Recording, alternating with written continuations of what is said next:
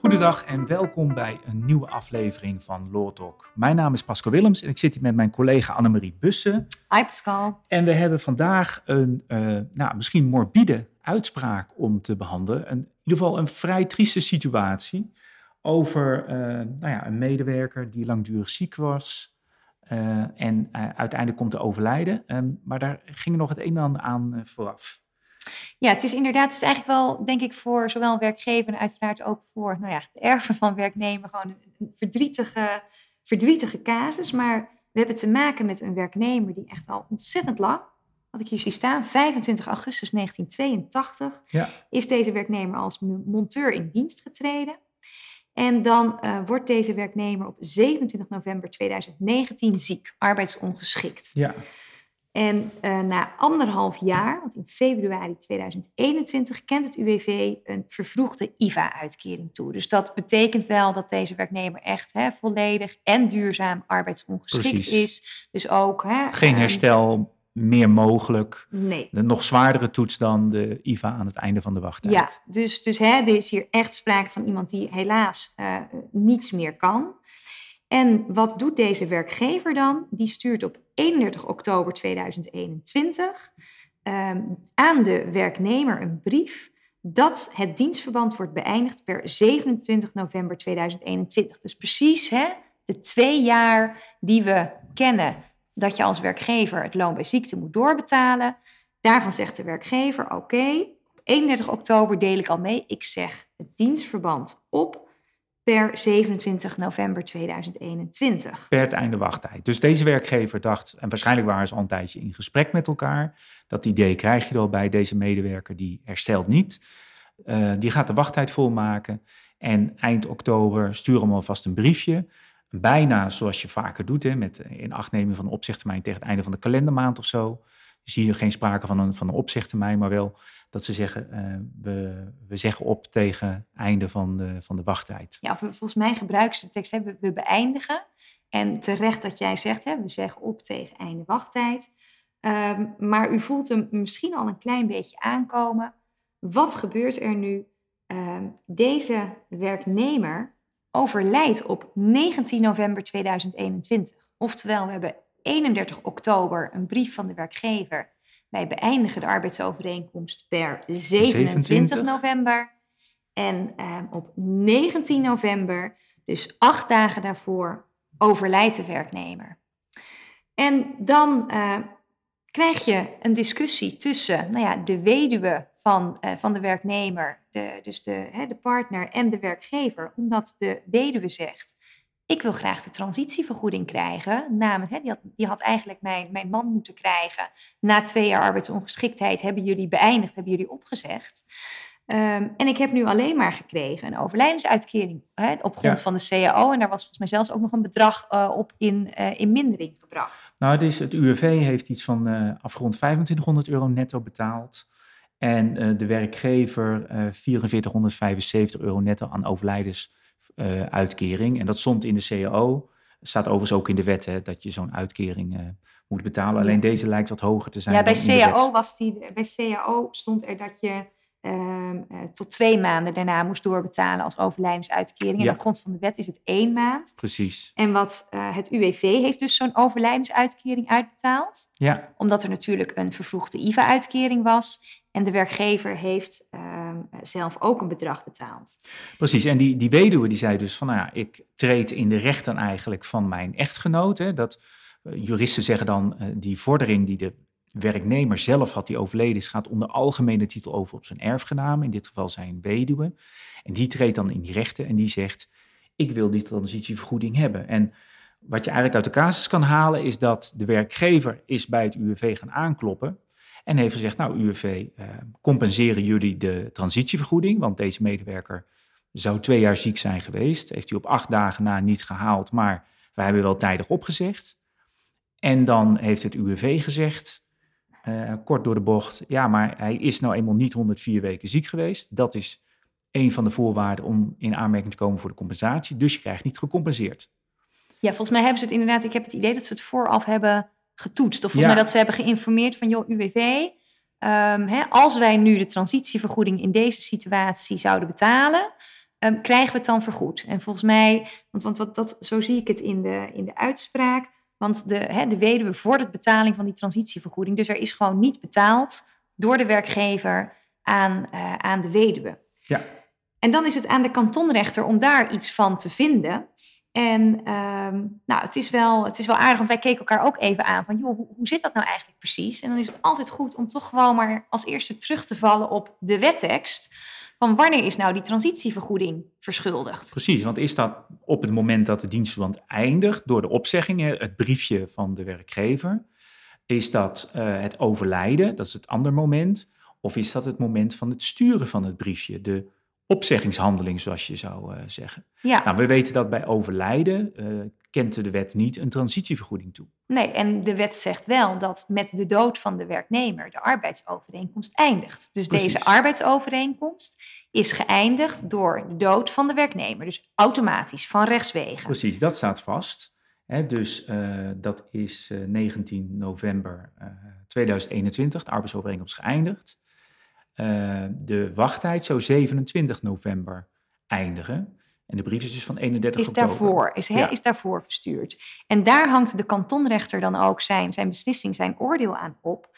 Want de kantonrechter zegt, ja, die brief van 31 oktober, dat zie ik als een opzegging van de arbeidsovereenkomst tegen 27 november. En voor dan de vraag of de transitievergoeding verschuldigd is, um, ja, is belangrijk de opzegging van de arbeidsovereenkomst en niet de daadwerkelijke beëindiging. Dus die opzeggingshandeling, die brief, dat is het moment waarop de transitievergoeding is verschuldigd. Omdat er ook in de wettekst staat, en dan pak ik hem er gewoon eventjes bij, dat is artikel 673 lid 1. De werkgever is aan de werknemer een transitievergoeding verschuldigd indien de arbeidsovereenkomst door de werkgever is opgezegd. Ja, en is opgezegd is de opzeggingshandeling. Zo legt in ieder geval de kantonrechter het uit. En als je het zo leest, klinkt dat wel, uh, wel logisch. Uh, de opzeggingshandeling is 31 oktober, dus vanaf dat moment is die, zou je kunnen zeggen, dan opeisbaar. Uh, maar hij is op dat moment nog niet twee jaar ziek. En UWV zegt, ja, maar de transitievergoeding is pas verschuldigd nadat de medewerker eerst de uh, wachttijd heeft volgemaakt. Dus eigenlijk op 27 november. Ja, dat jij hem eerder hebt opgezegd en dus kennelijk hebt toegekend dat is jouw probleem, werkgever, maar wij gaan niet uh, compenseren. Nou, eigenlijk zie je volgens mij dat het UWV inderdaad zegt van ja, luister, om die transitievergoeding gecompenseerd te krijgen. Hè, want want uh, het UWV um, hè, komt natuurlijk in beeld als een werkgever na twee jaar ziekte een transitievergoeding heeft betaald en dan gecompenseerd wil krijgen.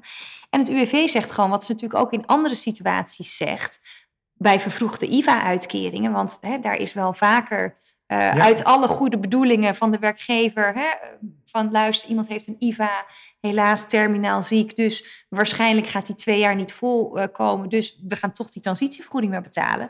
Dan is het UWV gewoon onverbiddelijk en zegt: Je hebt die 104 weken niet volgemaakt. Dus ook al heb jij een transitievergoeding betaald, je krijgt hem niet gecompenseerd. Ja. En dat probeert de werkgever hier nog wel. Die zegt: Ja, maar. Um, wij zijn geen transitievergoeding verschuldigd, want het was een voorwaarde dat we hem gecompenseerd zouden krijgen. En daarvan zegt de kantonrechter, ja nou dat zie ik, dat zie ik nergens staan. Ik zie nergens hè, in de brief staan dat er een, een voorwaarde is gekoppeld aan het uitbetalen van die transitievergoeding. Um, en um, wat de kantonrechter ook zegt, van ja, nog los van het feit dat dus die transitievergoeding, dat vloeit gewoon voort uit de wet. Ja. En het kan je dus niet afhankelijk stellen van een opschortende of een ontbindende voorwaarde. Dus ook al had je dat dus kennelijk wel zo opgeschreven als werkgever, dan nog zegt deze kantonrechter, ik volg gewoon de wet. En die zegt, als de werkgever heeft opgezegd, dus de opzeggingshandeling heeft plaatsgevonden, dan is de transitievergoeding verschuldigd. En ik denk dat het argument dat de werkgever erbij heeft gehaald, dat vloeit natuurlijk voort uit de jurisprudentie van de Hoge Raad van wanneer de medewerker zelf had gevraagd om beëindiging van de dienstverband vanwege langdurige arbeidsongeschiktheid. En waarbij de werkgever dus daaraan mee moet werken, uh, ook ervan uitgaande dat hij dan de transitievergoeding gecompenseerd krijgt. Dat heeft de Hoge Raad uh, destijds gezegd. Um, maar dit is een andere situatie, want hierin heeft de werkgever de opzeggingshandeling verricht. Ja. En uit de casus blijkt niet voldoende duidelijk of ze uh, daar met elkaar overleg over hebben gehad. Maar ik krijg de indruk van wel. Ehm, en ik denk als het UWV gecompenseerd had, had deze werkgever het met alle liefde en plezier betaald.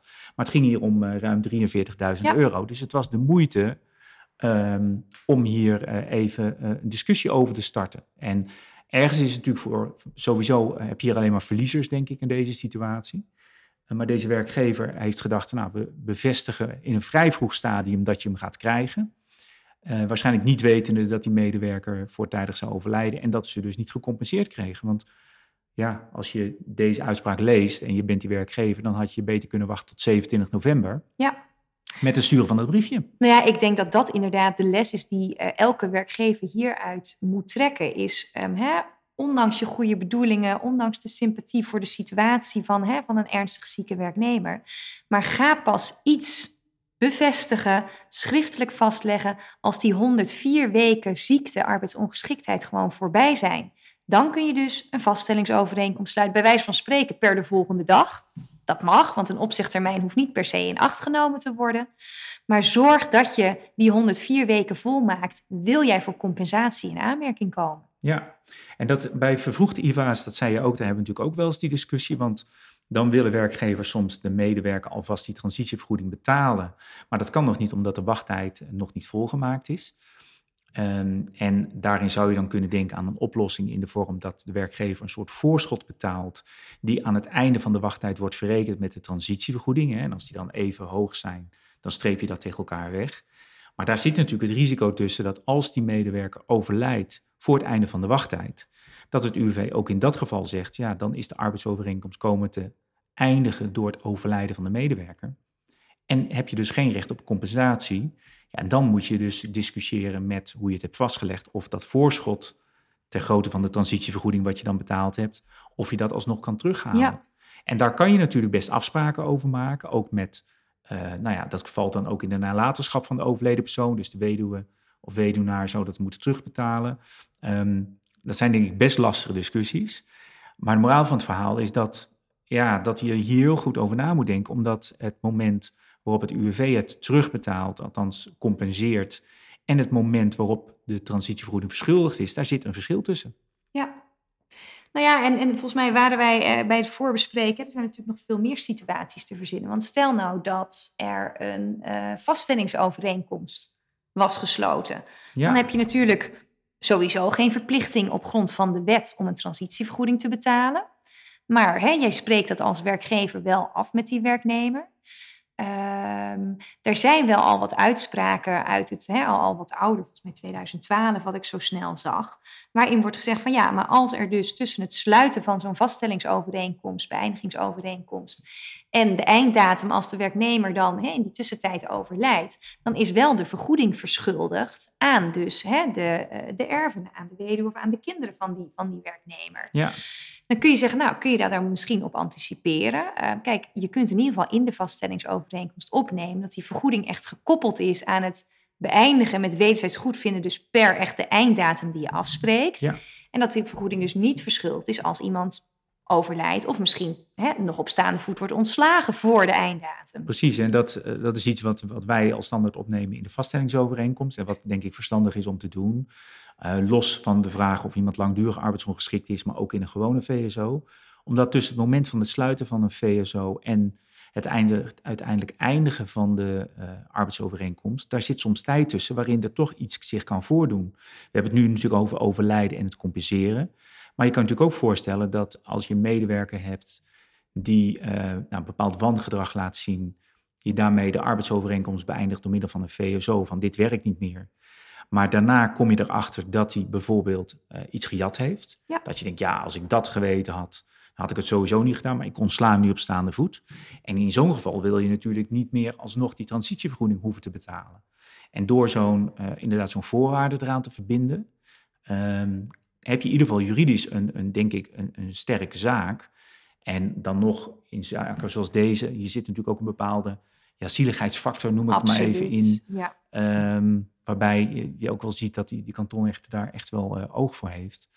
Um, maar je hebt in ieder geval een beter verhaal dan zoals het hier opgeschreven is. Waarschijnlijk uit alle goede bedoelingen en uit de veronderstelling, nou dan wijs je het vast toe en dan kan je ervan uh, van gaan genieten. Um, maar deze werkgever dus uiteindelijk daar de rekening voor moest betalen. En Ik geloof dat wel die, ehm, die overlijdensuitkering mocht in mindering worden gebracht. Ja, maar ja, dat was dan hè, ten opzichte van een transitievergoeding van volgens mij 43.000 euro. En dan volgens mij 2500 euro, wat dan nog in mindering mocht worden gebracht op de overlijdensuitkering die was betaald. Precies, want daarvan werd gezegd uh, dat met die overlijdensuitkering, daar mag op mindering worden gebracht een uitkering die verband houdt, geloof ik, met het overlijden. Ik zeg het even uit mijn hoofd. En daar, de kantonrechter zei, ja, daar zie ik die transitievergoeding, zie ik dat in dit geval wel zo. Ehm, dat is inderdaad een doekje voor het bloeden, want het was met elkaar 6000 euro wat op een mindering mocht worden gebracht. Ja, dus ehm, de moraal van het verhaal is van, uh, ondanks de goede bedoelingen, um, luistert het heel erg nauw hoe je, hoe je dit opschrijft. En uh, wees je daar bewust van als werkgever of als je een werkgever bijstaat in zo'n situatie. Want het kan een enorm groot uh, verschil uitmaken. Ja, en ik denk ook, hè, zeker kun je dat ook wel uitleggen als jij met een, hè, een zieke werknemer in overleg bent. Van joh, het ligt echt niet aan, hè, het, het is geen onwil. Maar hè, we zien gewoon in de rechtspraak dat die 104 weken voor het UWV heilig zijn om te kunnen compenseren. Dus ja, hè, heel vervelend, maar dat is wel waar je als werkgever, wil je gecompenseerd kunnen worden, je vast moet houden. Ja, die jurisprudentie is wel zodanig dat het UWV gewoon heel strak eraan vasthoudt. En alle, um, ook al zijn het ja, uh, trieste situaties of wat dan ook, uh, het UWV zit er wel zo in en misschien ook wel begrijpelijk hoor, regels zijn regels. Al hoop je soms wel dat er iets meer maatwerk mogelijk is. Um, maar dat lijkt uh, vooralsnog niet het geval te zijn. Dus een, een leuke uitspraak voor de praktijk. Um, ik wil je allemaal weer danken voor het luisteren. En uh, wat wellicht leuk is, is dat zowel bij Spotify als bij Apple kunnen jullie onze podcast ook uh, een, een sterren geven. Vijf sterren, het liefst natuurlijk, maar in ieder geval een, sterren. En hoe meer mensen dat doen, uh, niet alleen kom je dan hoger in de ranking, maar je hebt ook een aantal sterren nodig om überhaupt zichtbaar te worden, kwamen wij achter. Dus we zouden het ontzettend leuk vinden als jullie uh, de moeite willen nemen om daar even uh, nou, aan te geven hoeveel sterren jullie deze podcast uh, waard vinden. Dat is voor ons ook wel interessant om, om te weten, want dan zien we ook een beetje welke onderwerpen ja, wat beter in de smaak vallen en welke niet. En dan kunnen we daar uiteraard rekening mee houden. En voor degenen die luisteren en ons nog niet volgen, uh, zowel bij Spotify als Apple zijn wij ook uh, te volgen. In die zin dat je kan aangeven dat je ons volgt. Dat doe je door op uh, het knopje volgen te drukken bij Spotify. En daarnaast op het belletje, want dan krijg je een melding dat er een nieuwe Law Talk beschikbaar is. En bij Apple werkt het eigenlijk min of meer hetzelfde. Daar druk je op het plusje bovenin en daarmee krijg je ook een melding als er een nieuwe Law Talk geplaatst is. Nou, dan hebben we nu de administratieve dingen ook behandeld. Dan wil ik jullie bedanken weer voor het luisteren en graag tot de volgende keer. Tot de volgende keer.